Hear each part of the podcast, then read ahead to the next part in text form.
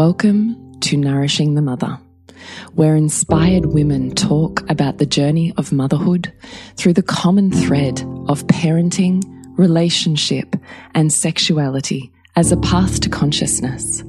We keep our conversations honest, our experiences real, and our philosophies exploratory. We believe that in order to raise incredible humans, we first have to raise ourselves. We know that in order to rock the family, you've got to nourish the mother. If you are here, you care about paving a path of conscious and intentional motherhood, connected with yourself and your gifts, and also illuminating your children in theirs so we may raise more whole humans who can impact this world in a more humane way. If you desire to integrate this learning practically and supportively into your life, then Soul Driven Motherhood is your space to go deeper head on over to nourishingthemother.com.au or follow any of the links on our socials for Soul Driven Motherhood. We are Julie Tenner and Bridget Wood, and we're so grateful you're here. Hello, and welcome to Nourishing the Mother. I'm Bridget Wood. And I'm Julie Tenner. And today's podcast is exploring the fantasies of motherhood.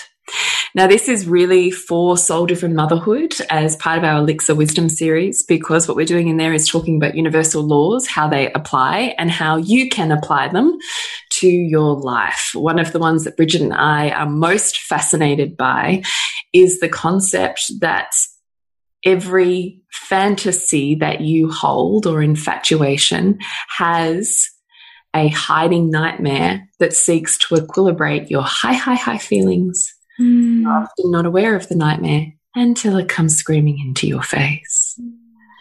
So it's just a really beautiful invitation into how you can have massive impact on your reality, on your world, and on your emotional charges by simply taking a moment to look at what fantasies you might be running and offering yourself a conscious opportunity to equilibrate them so the world doesn't have to do it for you. Mm. So that's where we're taking the conversation today. And we would love to remind you to jump on onto nourishingthemother.com.au, scroll on down to the red banner, drop in your email, and once every so often you get a beautiful love letter from us, keeping you informed of everything happening in the world with us. So you can pick and choose where you'd love to dive deeper. Nourishingthemother.com.au, where you can also find out about soul driven motherhood.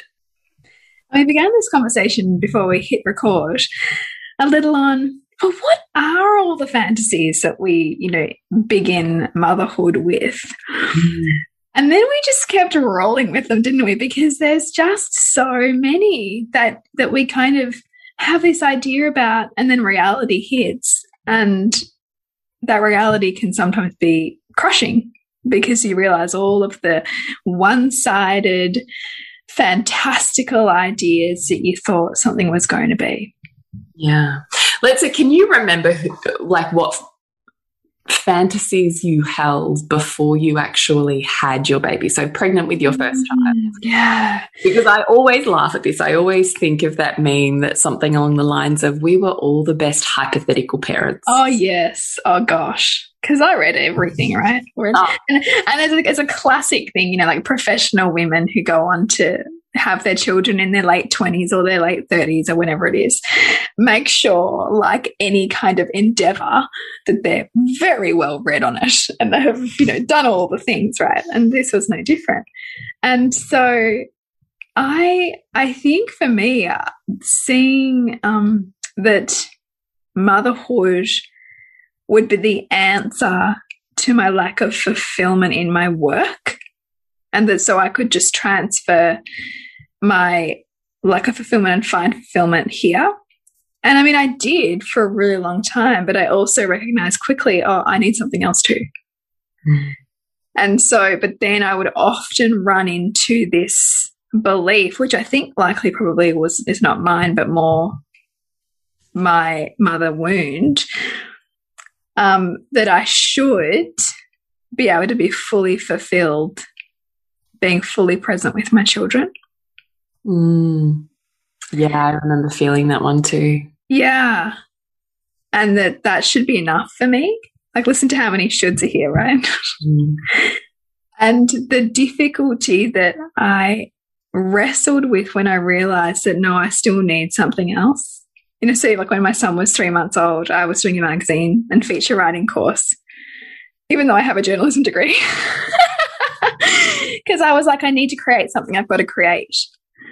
And and there was even though like that transition into motherhood fulfilled so many things to me, it still revealed where there was still voids. Mm. And so recognizing early on in that first year, ah, oh, this is beautiful and rich, but really still full of a whole lot of challenge that I probably didn't recognize was going to show up and that I thought I was going to leave all this challenge that I was feeling like I was facing in my career and leave it there turns out I've just birthed it in this new form, not just with this child, but also in who I am as a woman. Mm. That that this role isn't answering everything that I thought it was going to answer for me. Mm. And so I'm now having to meet more edges of what is a lifetime story of like not feeling good enough. And so that was a big one that's a big one. Yeah. Well, I really want to honor that because I, I actually think that's hugely courageous just to see it mm. and name it as well. Mm. Yeah. And that, I mean, that, I mean, I, I think ask any mother and the first year of your first child's life fucking blows you wide open. Yeah. And I think the bigger the fantasy, the bigger the crushing nightmare, right? Yeah. Well, maybe don't, maybe you don't so much hit that in the first year. Sometimes it comes when the child, when the baby becomes a toddler, because as a society we infatuate with babies and and tend to resent the toddler. So if we as women or mothers have infatuated with our baby and all of their deliciousness and not seen wider, then we'll find the toddler years particularly hard mm. because we have to meet more of them sometime. And if we don't meet the edges when they're babies, we meet the edges as they grow. So I recognize that that's also where it shows up. Yeah. Mm. Ourselves too, right? Because whenever we lose ourselves in anything or anyone, which is really ultimately the definition. Yeah. yeah. At some point, you, aka the universe, needs to put that codependent stop sign up mm. and push you back into yeah. yourself. Yeah. Which can look like sleep issues, which can look like behavioral challenges, which can look like relationship problems. Relationship problems, which is a big one, particularly first year of parenthood. Yeah. Yeah. And this is where you and I keep coming back to what is the function in this dysfunction? Because we don't necessarily see that as dysfunctional at all, but a function of healthy relating, which will push you back into yourself if you're become, if you've become too codependent. Hundred percent. So even when I've hit edges with my kids, I'll be like, "Oh, what's this here for? And why? Why this and why right now?" Like, what is this pushing me into? What are they seeking here? What am I needing here with this dynamic? Rather than it being necessarily a problem, it's it's a place to be curious mm. first. Hundred percent place to be curious. Yeah. Mm. So yeah, that that one would would be big, and I mean, I've, I still maintain that I don't know that motherhood was um, was a place to really lose myself. It is a place I continually find myself. I find it deeply rich. Um, for all of the ways in which I, I meet my conditioning or I meet my beliefs and go, oh, that's where'd that come from? Hi, you know, and I, I love that. Like, I love that, but I also fucking hate it because it's like, Jesus, that's like intense some of the things we don't realize we're holding on to, but that likely lurk in our subconscious and then pop through into consciousness at just the right time through just the right conduit, whether that's our children or our relationship, right? I often think, I often think too, like when I look at the evolution of your your working relationships and, and how much did you know, your timeline of like conscious relating map alongside your own development in motherhood. Because, you know, just like our children go through their child development, we're constantly going through our own developmental process. Yeah. And we never stop. Like, so we, we have this, I think it's hilarious that, you know, we, we as adult humans think that we're so um, much bigger and wiser than children, but like we're all children, all on a developmental process. Mm. Right? Just no. looks different. like, yeah. yeah. Totally. Constantly, constantly being initiated constantly. all of the time. Yeah, slash humbled. initiated slash humbled, whatever that looks like. Yeah. Yeah, totally. Mm.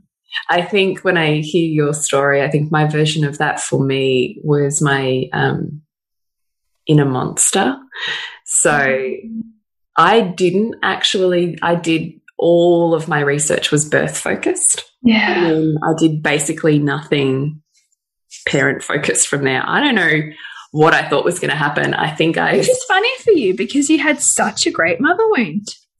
Yeah, but I actually think that that was what constructed the biggest fantasy that I perceive I've ever run, which is I will be nothing like her. Mm. Yeah.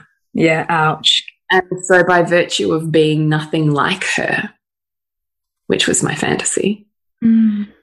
that it would heal all ails. mm. So, there wasn't a void to read on. Yeah. Because I knew what I wasn't going to be, which in some way is just as big a fantasy as you will be. Mm. Right. And like, that's just the biggest the moment that you initiate that belief and keep reiterating that belief is the moment that you are continuing to feed its opposite right which is that you are going to be everything like her right which was why my first year with heath was fucking brutal mm. because the self-loathing that that opening brought up within me and the re traumatizing of my own trauma and pain mm. was like fucking epic. It was enough to peel me like a banana and shatter me like a bomb. Like it was inside and it was outside. And the entire identity that I had crafted, the entire way that I had seen the world and myself within it was completely and totally destroyed. Mm. Like that shit is brutal. Like I literally remember being on the other side of feeling like clawed myself out of the deepest well. The way they used to think of it was, um, oh God, what is that movie? Was it, um, I want to say it was a Brad Pitt movie, but I can't remember and um, a little bit gory. And there was like this mass murderer who would skin women and wear their skins. Do you remember that movie? No, it's not something I'd probably go for. murder, horror. You know, I can't. I wish I at this moment I could remember what the movie was called. But I remember this scene of the victim in the end of this movie. Spoiler alert! That ends up being saved, and the murderer keeps her in a well, so in a like bluestone cobbled well, like that is so deep and dark in this hole. And um, he sends oh, her. I think I do remember this. He sends her food up and down in like a you know well bucket sort of thing. Yeah. a torch at some point when he's pulling the bucket back up and it highlights the the gloss or the shine on the on the cobbles as it's coming back up and all you can see are the broken off fingers and scratch marks and blood as all of his previous victims have tried to claw their way out and have obviously mm. fallen or whatever but they've given up fingertips and you know that's how desperate they've been to escape. Mm. And that particular imagery has always sat somewhere in my psyche. Mm. And when I think about that first year with Heath, that's what it felt like for me. I felt like I was all of those victims, the ones that, you know, had tried their way to scrape up stone by stone because they felt their life depended on it. And they'd snapped a finger and fallen back down to the bottom, only to get up and try again because their life depended on it. Yeah. And I felt like the woman who eventually climbed out of that. Mm. So when I think about equilibrating fantasy and nightmare, they're not separate in their degrees. Mm. So my degree of suffering or perception of suffering was equal to my degree of fantasy. Mm. That's how big it was. Yeah. So we, as humans, only experience revelation from pain and suffering. It's Mm. what cracks the ego that keeps us confined in a tight little shell that's grown too small, contained. Mm. It has to be cracked open. It's hard work for the baby bird to chip out of the shell or to leave the nest and learn to fly and fall to the bottom of the tree. Right? Like, we have to do that. That's how revelation is found. Um, but the degree of that was extreme because the degree that I had built up a construction was extreme. Mm. So, what you experienced in that first year was a natural equilibration to the level of one sided infatuation you had about who you were going to be. Yeah. And by virtue of that, the depth of suffering also, potentially, if you stay on that path, allows you the depth of enlightenment to bring light to, Mm. or wisdom, or revelation. Mm. So it was still the year of I perceive my greatest growth, probably Yep. the last year, because that felt like a you know another version of that. So uh, not that dramatic though. So I still think that that was the best year of my life Mm. when I look at it from a soul growth perspective and who I became and what I shared and what that opened up. Mm. But that's not to minimize from the degree of suffering, which really, on many levels, was self imposed from the degree of infatuation. Yeah. And you had to strip yourself so, like, there's so many layers you had to strip back to get to the core of it because neither of them were real. No, right. You had to see all that nightmare. The suffering is only there if you're attaching to the fantasy, right? Because Mm. what are you suffering from? Mm. It's only the attachment. Yeah. It's like um the concept of betrayal, like somebody betraying you. Nobody really betrays you. They you betray you through the projected through the projection of your value onto them for them to live always in what you would expect, essentially. Mm. It's it's again back to that self Mm. and the projection onto that situation or person.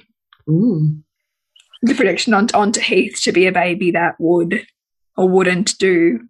Well, it was me. It. was that I would or wouldn't. Yeah. Yeah. And of course, then I had the baby who perfectly took me to all of those Mm. places. Yeah.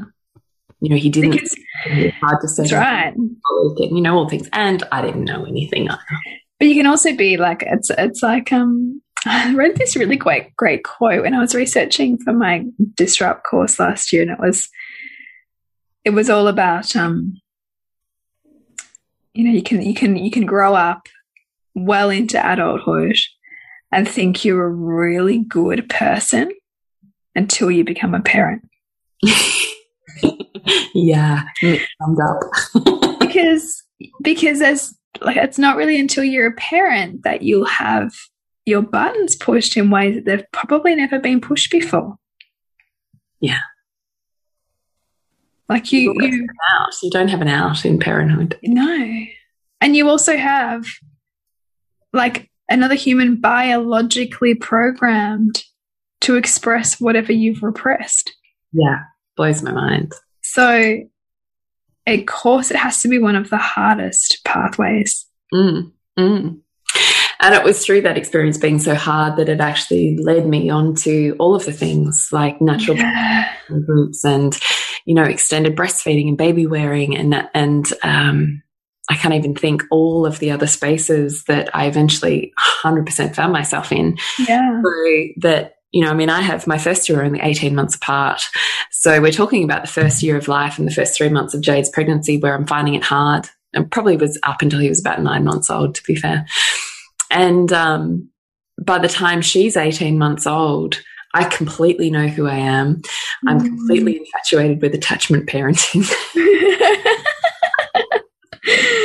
yeah.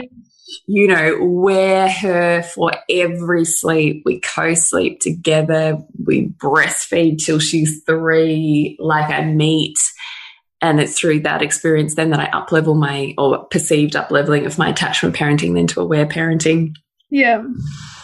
Um, and each time I can see the fallout from that. So co sleeping is the best solution for your children's health and development until you meet your rageful monster when they're not sleeping and they're kicking you at night or climbing yeah. the ladder or and I'm like, no, that's fucking it. and it doesn't have to mean that it diminishes your relationship or that yeah. It's a, pivot, it's a pivot point, right? But it's when you've built up an identity right. as that. Yeah.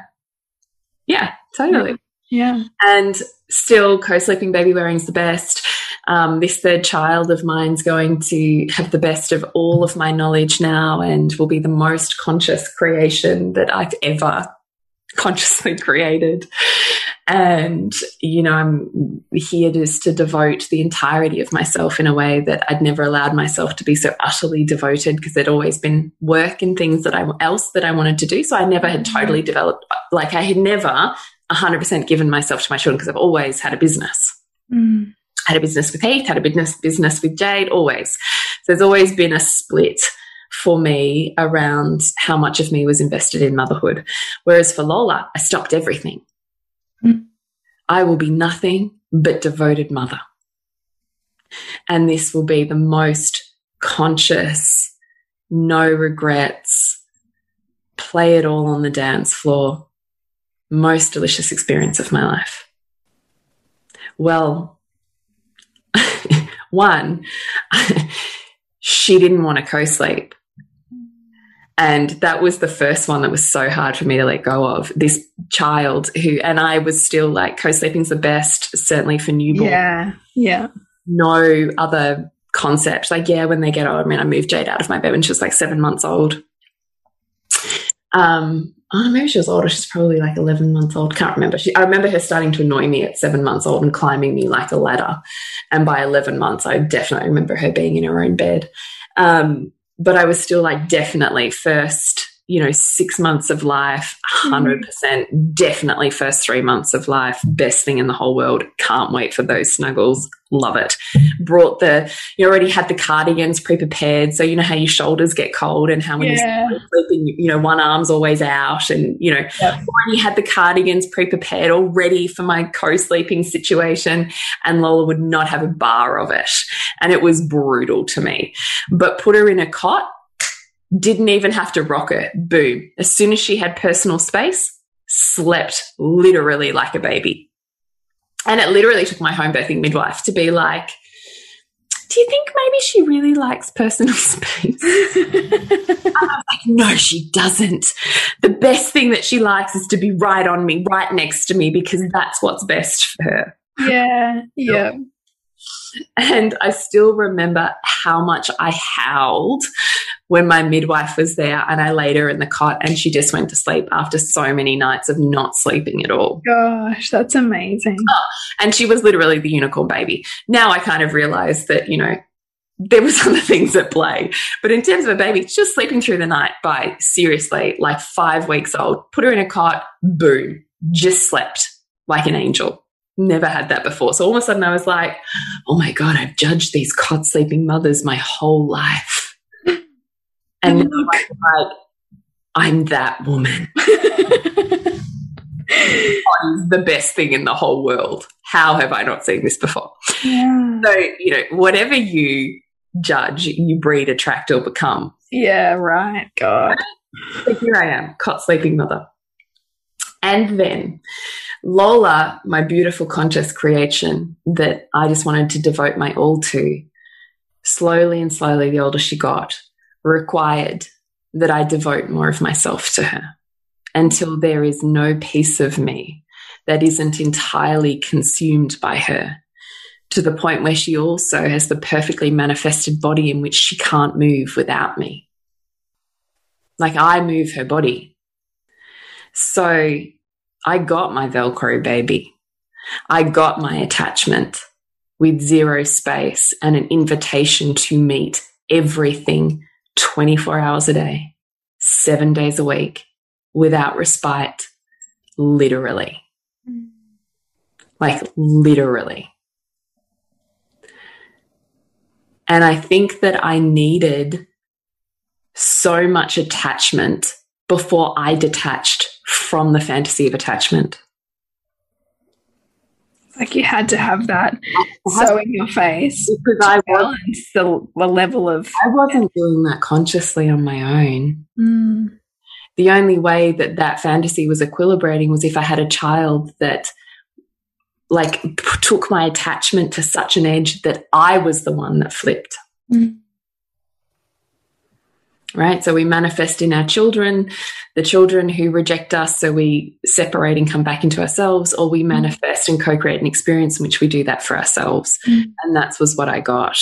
By the age of two years old, I, I was seriously in PTSD. Like, that's why baby number four was so hard for me to even wrap my head around being pregnant because I was literally felt like I had post traumatic stress from how hard that experience had been with Lola and continued to be. And still is on many levels.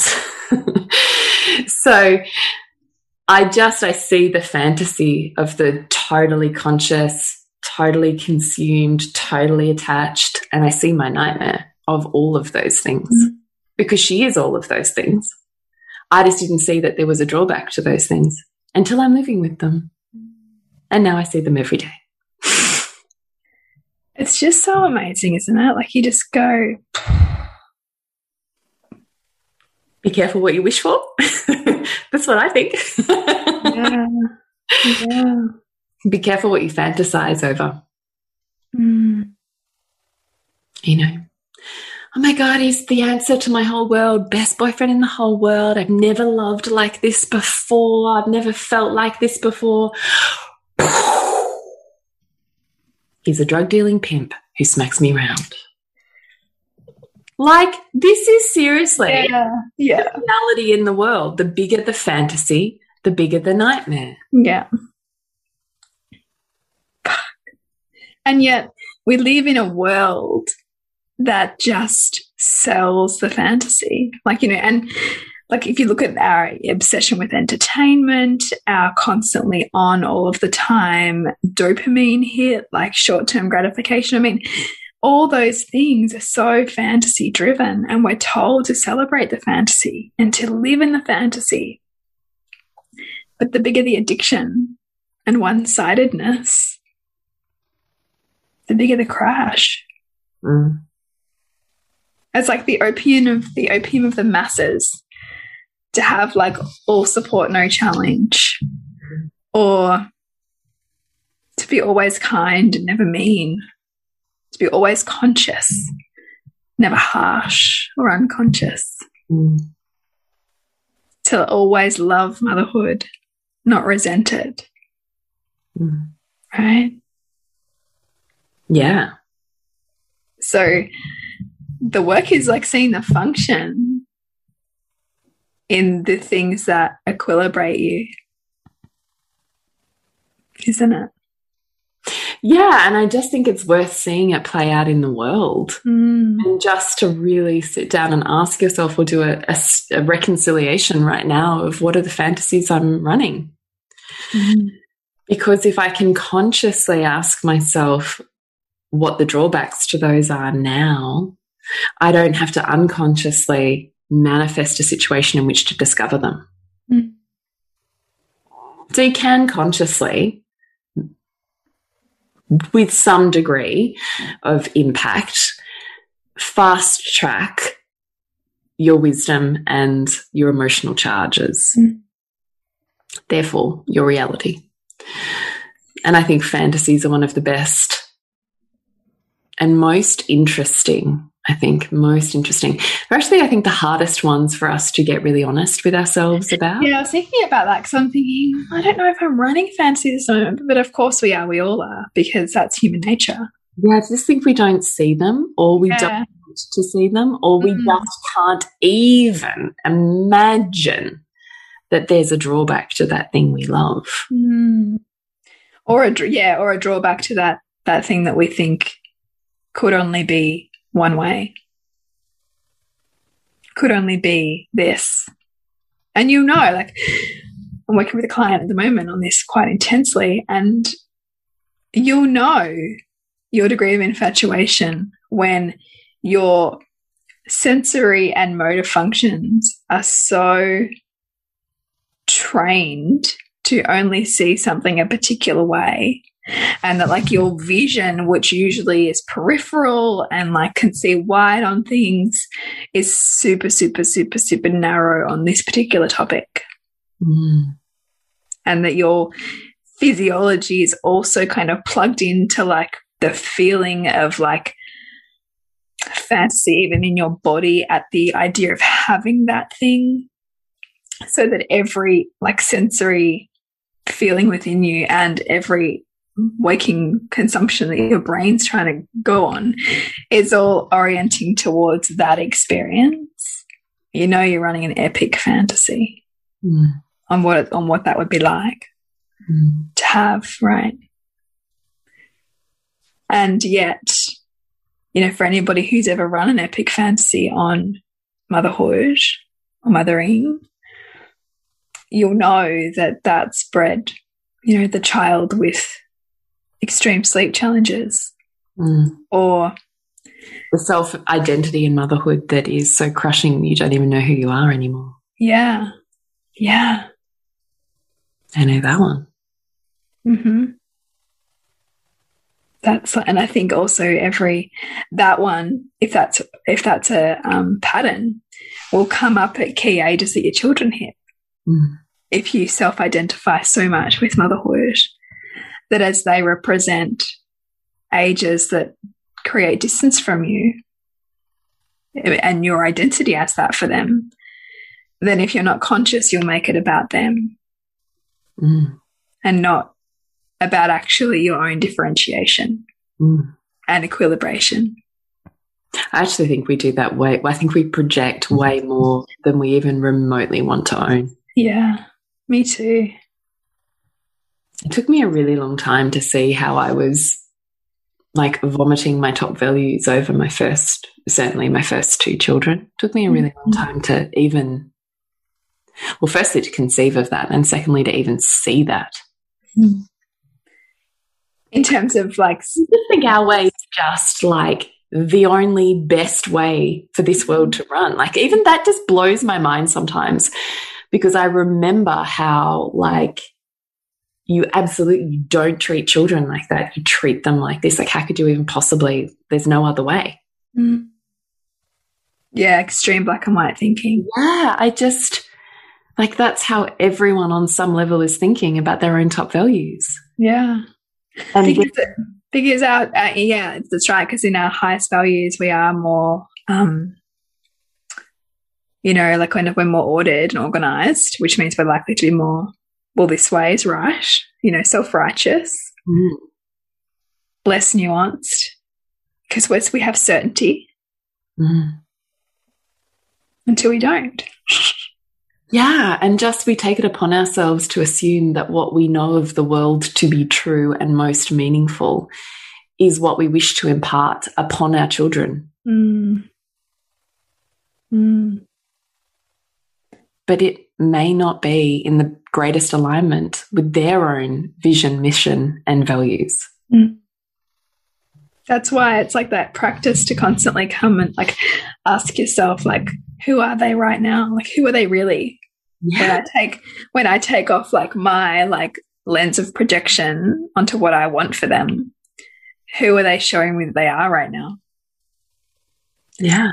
And can I let go of what I thought I had in mind for who they're revealing themselves to be what and what they need? What can I love beyond them supporting my top values? Yeah. Can I love someone when they challenge my top values? Mm. Because that's really love. It's easy to love someone who loves what you love and sees the world the way that you do. Far harder to love someone who challenges the way that you see the world. Mm. And yet, I would argue, probably a deeper love. Yeah. Because it's less conditional. Yeah. Mm. yeah. Those of us who seek such unconditional love and yet are so conditional in the way that we love humans around us. Yeah. It's big. Mm. So, when you are exploring the fantasies of your own motherhood and how they're creating your current reality or emotional charges as you come running into the equilibrating nightmares, It's designed to bring you back to an equilibrium or a state of homeostasis of greater love and capacity to love where no one's in a pit or on a pedestal. Mm. That that's ultimately the the universal orchestration of it is is for greater, deeper, wider love of you, for you, with you but you have some level of consciousness that plays into that about whether you do it for yourself or you wait for the world to do it for you. And I think that that is the invitation here in looking at what are the fantasies or watching around you. Whoa, that is a big fantasy. I'm kind of biting my lip as I'm squinting as I go, whoa where's that person going with that? That seems really like that's going to be hard. And yeah, I mean, the classic one is you see it in relationships. Oh, that's why I'm wincing because I'm like, ooh, really? Yeah. Yeah. He's so amazing. Oh my God, I'm just so in love with him. Yeah. I've uh, never felt like this before. Not like this. Mm, this is like different. Alarm bells. I'm like, oh no. because unfortunately, I mean, I made a pretty snide joke before, but the reality is that cliche happens more often than we realize. Yeah. And nightmares come in many, many, many different forms. So, yes, lose yourself in feeling, but don't lose yourself so completely that you are not also aware of a of a drawback to this situation, to this support, to this feeling. Mm. You just got to know. I don't know. I don't know what I'm trying to say here. Help me out, Bridge. I think just be aware of the fantasy. Mm. And notice when you um when you you know when you're in like in an infatuation or in a fantasy when you notice like that your language is really speeding up, that your inflections going higher, that kind of you're a bit like a runaway train and that you find yourself always wanting to talk about this one thing. Mm. And it's big in your life and it feels dramatic or it feels electric. That's not necessarily your soul talking to you that you're in alignment. Mm. It's your fantasy mm. feeding itself. mm. And so, what would be the drawbacks of, of what you see as perfect? Mm. Definitely. Mm. Drawbacks to top values, drawbacks to your seven areas of life. And if you want to come and do a workshop with us on that, then Soul Driven Motherhood is your place to do that. And we would love to have you bring consciousness and enlightenment to your life as it exists now and as it evolves. Mm. You can find out more about Elixir, the Wisdom series, and Soul Driven Motherhood this month at nourishingthemother.com.au, Nourishing the Mother on Facebook and Instagram. And to connect with you, Bridget? It's bridgetwood.life. And you, Jules? Is julietenner.love. Beautiful. Remember to nourish someone and to rock the family. And we'll see you next week when we continue to peel back the layers on your mothering journey. Thank you so much for listening. We literally couldn't do this without you. Please share this podcast with anyone you think it would be medicine for. And if you're ready to ask, in what ways can I show up more fully, live more meaningfully? Parent more wholly, and love more unconditionally. How can I mine the wisdom from the experiences of my life and expand into those challenges? Then you're a soul driven, heart led mama who's ready for conversations and a community that supports her journey. Come join Soul Driven Motherhood.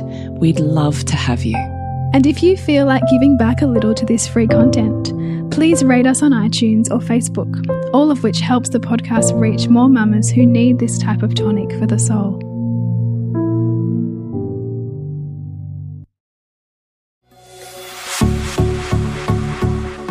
This has been a production of TheWellnessCouch.com. Check us out on Facebook and join in the conversation on Facebook.com forward slash The Wellness Couch. Subscribe to each show on iTunes and check us out on Twitter. The Wellness Couch, streaming wellness into your lives. Whilst the Wellness Couch presenter endeavor to provide accurate and helpful information to their listeners, these podcasts cannot take into account individual circumstances and are not intended to be a substitute for health and medical advice from a qualified health professional. You should always seek the advice of a qualified health professional before acting on any of the information provided by any of the Wellness Couch podcasts.